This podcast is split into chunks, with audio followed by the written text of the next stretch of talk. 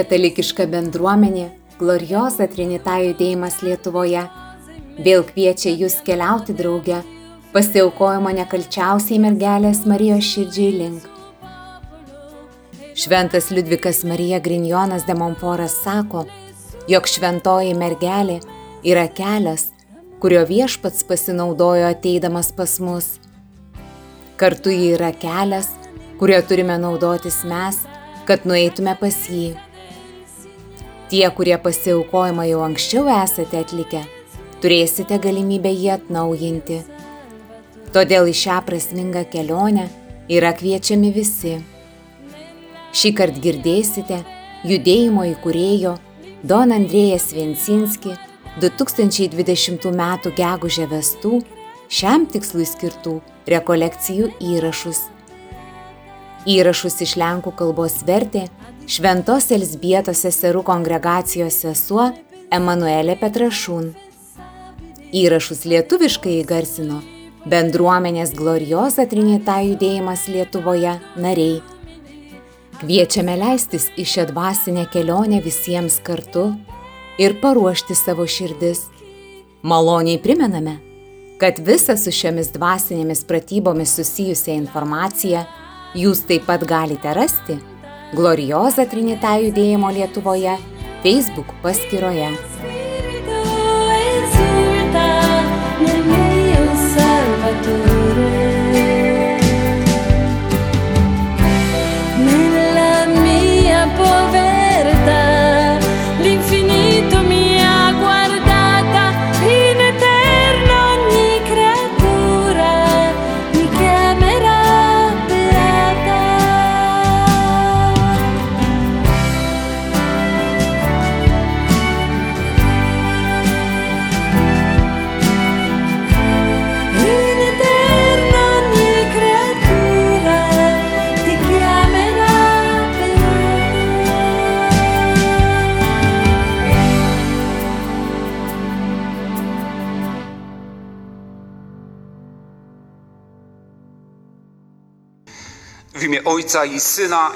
Vardant. Dievo Tėvo ir Sūnaus ir Šventosios Dvasios Amen. Mylimieji, sveikinu Jūs kelionėje su Marija iš žvaigždės. Šios dienos rekolekcijų apmąstymas bus iš pradžios knygos trečios skyriaus penkioliktos eilutės. Aš sukelsiu priešiškumą tarp tavęs ir moters, tarp tavo palikuonių ir jos palikuonių. Jis kirs tau per galvą, o tu kirsi jam į kulną. Mylimieji Kristuje, mes su jumis gimėme dviejų karalysčių susirėmimo viduryje. Iš vienos pusės turime Dievo karalystę, o iš kitos - Šėtono karalystę. Jų kova yra pastovi ir ji baigsis pergalę švenčiausios mergelės Marijos širdyje. Tuomet, kai Marija pakvies visus žmonės, norinčius įeiti į Naujojo testamento arką. O ta arka yra jos nekaltoji širdis. Būtent tada baigsis kova tarp Dievo ir Velnio. Netrukus kalbėsime apie tą kovą, tačiau dabar kviečiu Jūs pasiklausyti Dievo žodžio.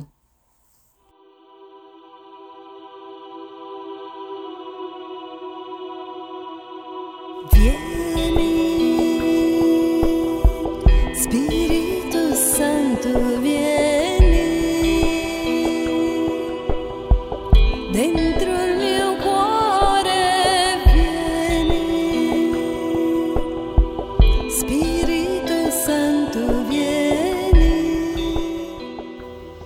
pradžios knygos trečios skyriaus 14-15 eilutės. Viešpats Dievas tarė žalčiui, kadangi tu tai padarei, esi prakeiktas tarp visų gyvulių ir tarp visų žvėrių. Ant pilvo šliaužiosi ir dulkėsėsi visas savo gyvenimo dienas.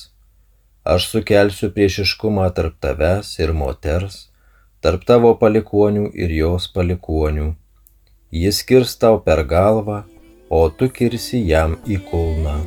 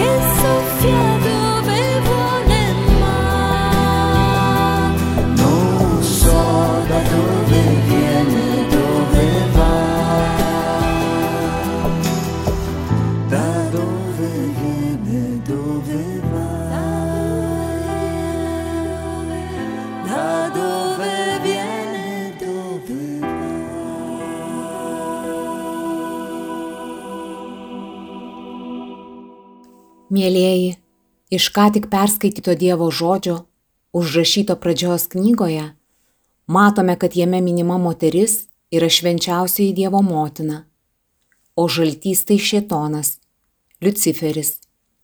Kalbėdamas apie kovą tarp Dievo ir Velnio, norėčiau priminti jums vienos vokiečių regėtojos apreiškimus, kuriuos patyrė palaimintoji Kotryna Ona Emerich.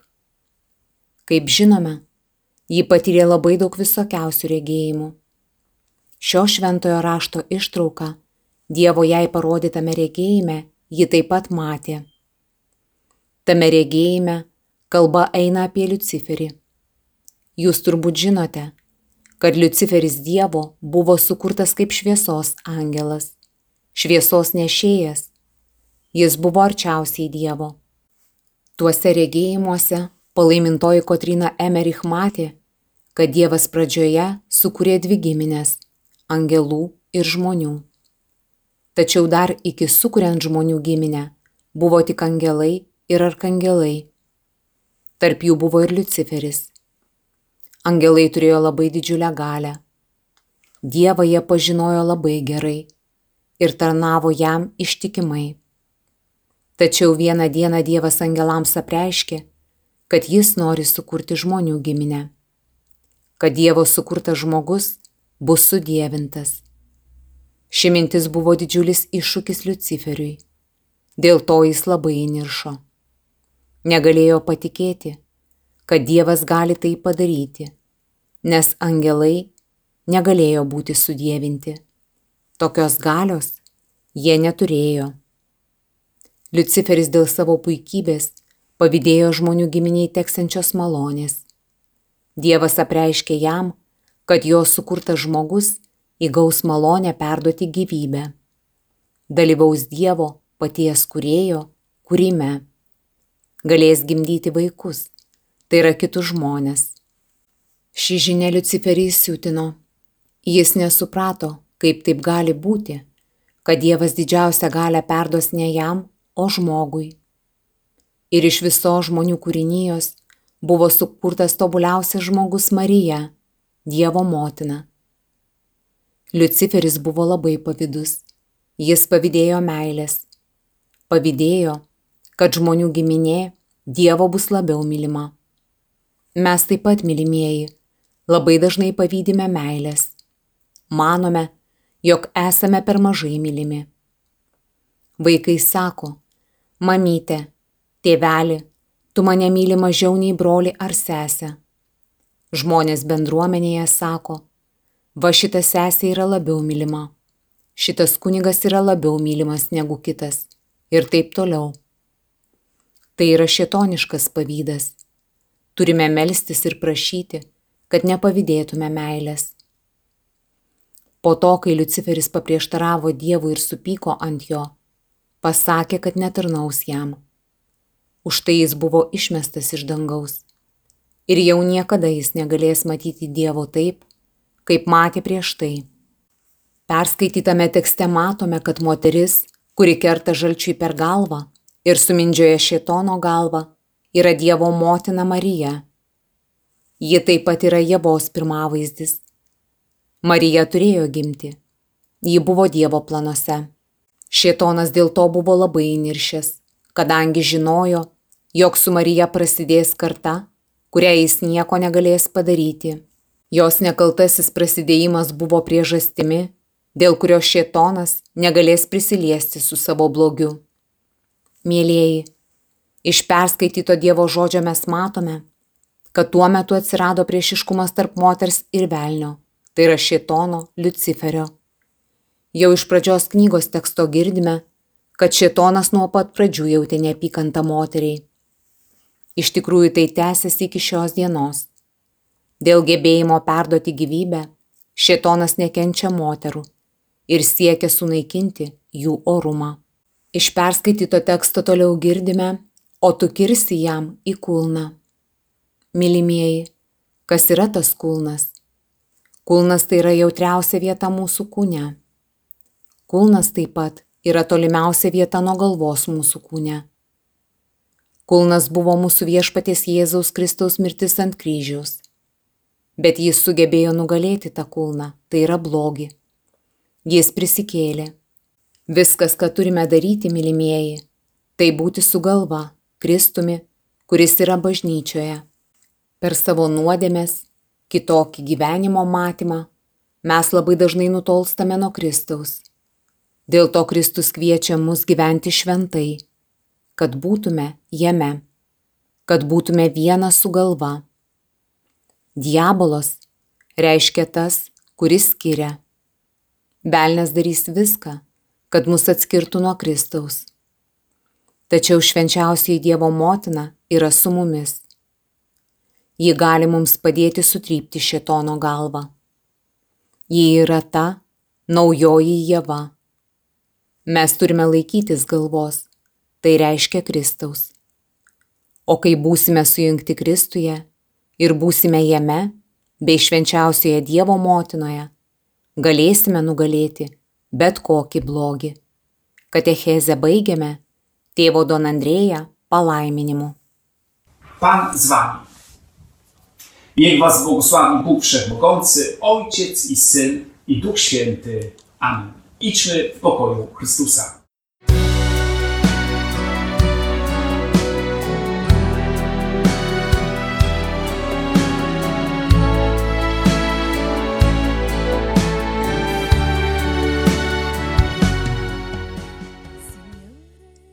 Pažiūrėk, pažiūrėk, ar matai, paukščiai grįžta, ar matai.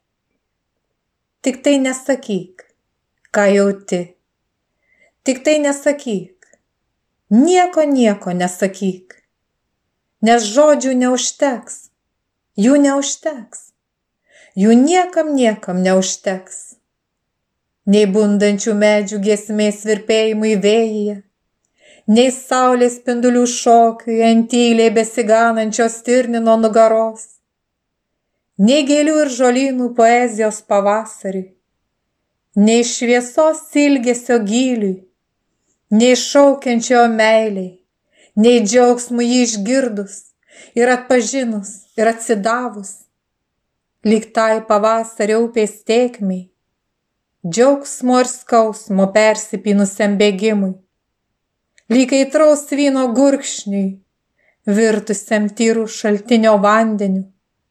Ir ta duona, mest ant vandens, nepavirto akmeniu, neištirpo ir nenugrimzdo.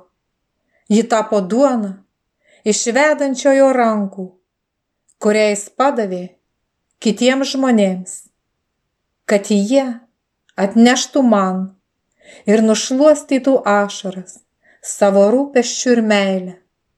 Žiūrėk, tos ašaros vaivorykšte pavirto. Žiūrėk, žiūrėk, matai, tik nieko nesakyk, tik nieko nieko nesakyk. Atsisėsk ant vaivorykštės kalno ir tau išauks sparnai, tik nieko nesakyk, ne vieno žodžio, tik skrisk ir kilk. Tik skrisk ir kilk. Ir nieko nesakyk. Tai amžinybė, giesmių giesmę gėda. Ne vien kaip promigla girdi, lyg atspindi veidrodėje regiją, ne vien, taip verta, tik nieko nesakyk. Tai amžinybė, tvarsto tavo širdį ir išaugina sieloje sparnus. Tik nieko nesakyk. Ne žodžių, visat per mažai, kai amžinybė kalba su tavim. Esu aušra. Eilėraštis užrašytas 2009 metais. Tai mano pasakojimo svarbi detalė, nes apims laikotarpį nuo tada iki dabar, kai jau eina 14 metai. Kartais tenka užrašyti eilėraščius. Rašau juos kartu su Dievu Ji tiesiog ateina. Sakau, mano ir Dievo eilėraščiai. Dievas nori, kad jas pasidalinčiau su kitais žmonėmis, bet ne tik. Jis visuomet pirmiausia man pačiai duoda juos. Kaip maldą, kaip jo žinę ir laiks nuo laiko vėl prie jų sugražina. Kad pamatyčiau, ką jau tada jis norėjo man pasakyti, kokį savo pamatą manyje stipriai statė ir tvirtino, kad atėjus negandos ir didelių išbandymų dienai, nieks jų iš manęs neišmuštų. Iš proto, iš širdies, iš visos mano esybės. Ir ta negandos diena atėjo, kaip vagis, kaip plėšikas iš už kampų. Ir smogė labai stipriai. Mūsų šeimai ir kitiems žmonėms įvyko didelė nelaimė. Mes pakliuvome į didelį nelaimingą įvykį. Pavadinčiau tai katastrofa. Gyvenime įvyko katastrofa, po kurios jau niekada niekas nebūna, nelieka kaip buvę. Tada ant karštų pėdų kreipėmės pagalbos pas dvasininkus kunigus ir vienas iš jų mūsų draugas pasakė tokius kertinius, atraminius, labai svarbius žodžius. Šiame blogume, nors ir labai sunku, bet pamatykite gerus dalykus ir ant jų atsistokite. Jei pavyks tai padaryti, jūs išgyvensite. Ir mums pavyko.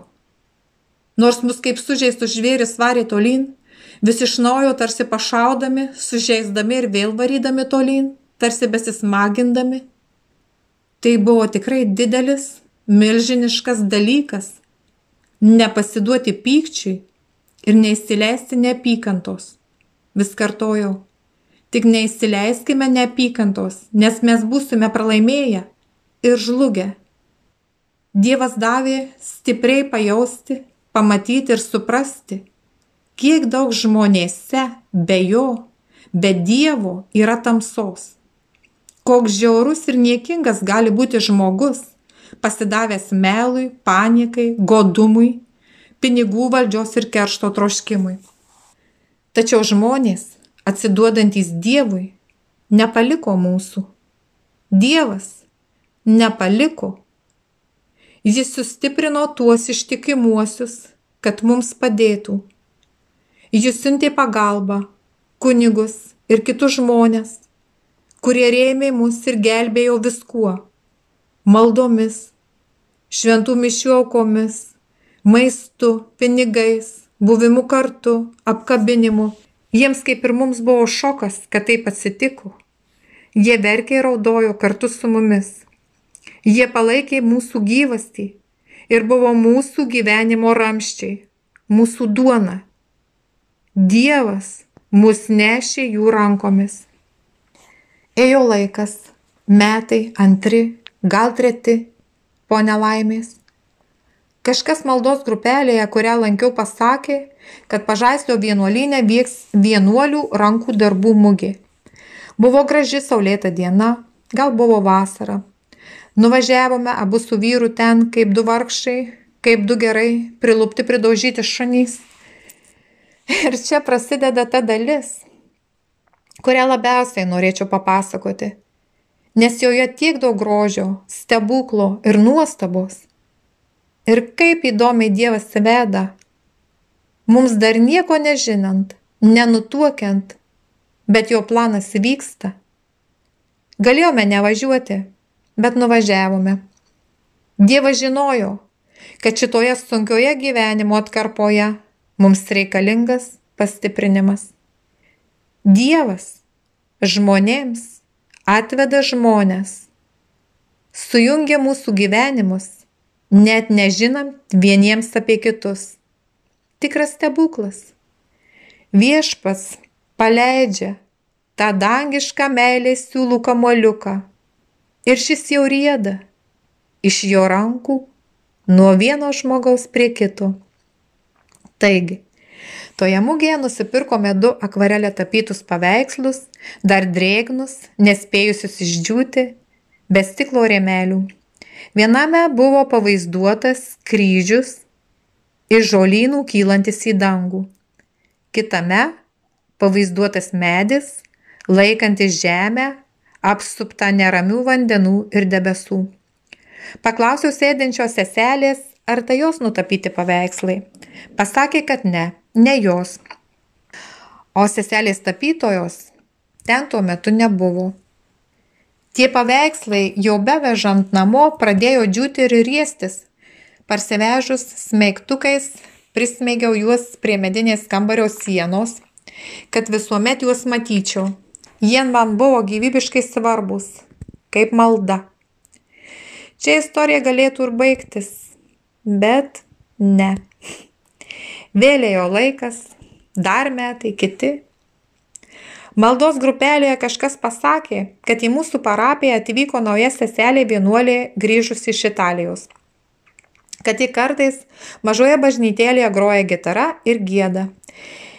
Gyvena seselės geltoname namelėje netoli bibliotekos. Sugalvojo planą, kad nunešiu perskaitytą knygą į biblioteką ir tarsi eidama pro šalį užsuksiu pas jas. Pasakysiu joms, kas aš tokia, kad lankau maldos grupelę, kad taip pat groju gitarą, gėdu ir paprašysiu, gal ta nauja seselė sutiktų gėduoti kartu su mumis, broliais ir sesėmis Jėzuje Kristuje. Pabeldžiai duris. Tylu. Nieko nėra namuose. Perskaitau kitą knygą ir vėl einu į biblioteką. Ir užsuku pas seseles. Seselė Irutė sėdėjo ant suoliuko prie namo ir pasakė, kad tos seselės Gertrūdos dabar nėra. Bet vis šis tas pagalvojo, sužinojau bent vardą. Bet tai kaip man ją susitikti? Neužilgo viena pažįstama moteris, Gražina, pakvietė mane į šeimų centrą ateiti melsti su šeimas. Aš nuskuodžiau ir štai, ten lyg niekur nieko, sėdi ta seselė Gertrūda, Nuostabu pagalvojau, štai ir ji. Nesu linkusi greitai atsiverti nepažįstamiems žmonėms, bet nuo to vakaro tiesiog prilipau prie jos, atsivėriau ją asmeniškai čia ir dabar. Lydėjau ją iki namų ir viską išpasakojau. Mes susidraugavome, aš susidraugavau su ją, su seselė Rute ir su seselė Daiva. Jos meldėsi už mus stiprino patarimais, buvimu šalia. Tiesiog priglausdavo mus po savo sparnu. Tada vieną dieną parašiau joms savo širdies padėkos ir džiaugsmo laišką. Parašiau, kad jos yra didelė pagalba ir ramstis mūsų šeimai, man. Džiaugiausi, kad Dievas suvedė mus su jų vienuolynu, kad ta draugystė mums yra didelė Dievo dovana. Toje sunkioje ir skausmingoje tarpais nepakeliamoje vargo kelionėje.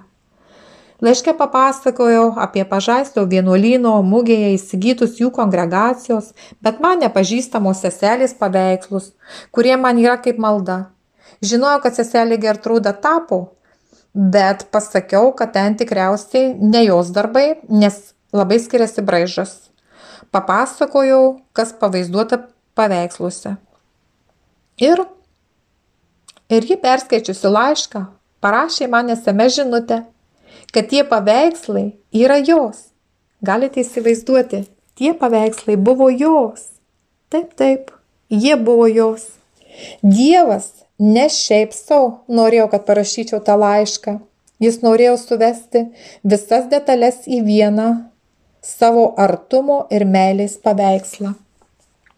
Mano širdis tada taip plazdėjau, pašoko iš džiaugsmo ir nuostabos kaip vaiko, nes tai buvo jis, visą laiką buvo jis, Dievas.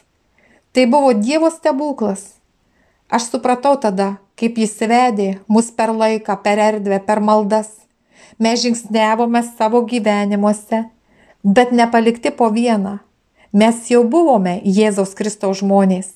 Ėjome atskirai, nepažinodami vieni kitų, bet ėjome lygiai grečiai, tą pačią kryptimį, žiūrėdami į viešpatį ir jis suvedė mūsų žingsnius į tą patį kelią, suvedė mūsų žingsnius į vieną tiesėje.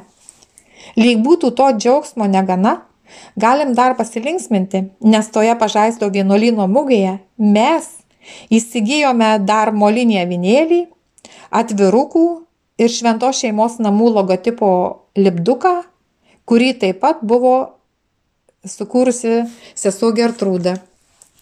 Štai kaip Dievas vedė. Padėjo gyventi ir išgyventi. Ir tai tik labai sutrumpintas, glaustas pasakojimas. O buvo tiek daug detalių ir gilio tame Dievo paveiksle. Žvelgiant nuo tada iki dabar.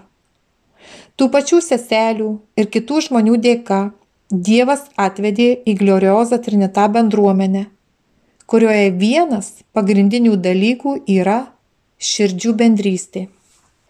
Dievas sako kiekvienam žmogui, esi širdis mano širdies. Mes sakome Dievui, esi širdis mano širdies. Ir Dievas mus augina į tai, kad mes, žmogus žmogui, galėtume pasakyti, esi širdis mano širdies. Aš galiu išstovėti ir aukti tik su Dievu ir su tais kitais žmonėmis. Dievas stato bendruomenę, bažnyčią, tiesdamas tiltus tarp žmonių širdžių vesdamas tas nematomas stebuklingas gijas nuo širdies prie širdies. Mums įduoda po duonos kepalą dalį savęs. Pats Dievas mums, kad eitume ir neštume jo meilės žinę kitiems. Būtume drąsūs, darytume gerus darbus, padėtume kitiems kaip tik galime, net jei reikės ir aukotis. Nes užklupus sunkiems išmėginimams, tą duoną Dievas įduos kitiems. Jie ateis dėl mūsų, stos už mus, kiekvieną. Bus pagalba ir paguoda sunkiame kelyje. Turime nebijoti būti duona kitiems. Dabar mūsų eilė. Kai krinta, suklumpa, nusilpsta vieni, Dievas pakelia, sustiprina kitus, kad jo meilės grandinė nenutrūktų. Šlovė viešpačiai, nuostabiam mūsų Dievui, Tėvui, Jėzui Kristui ir šventai dvasiai. Amen. Gioia grande è solo gioia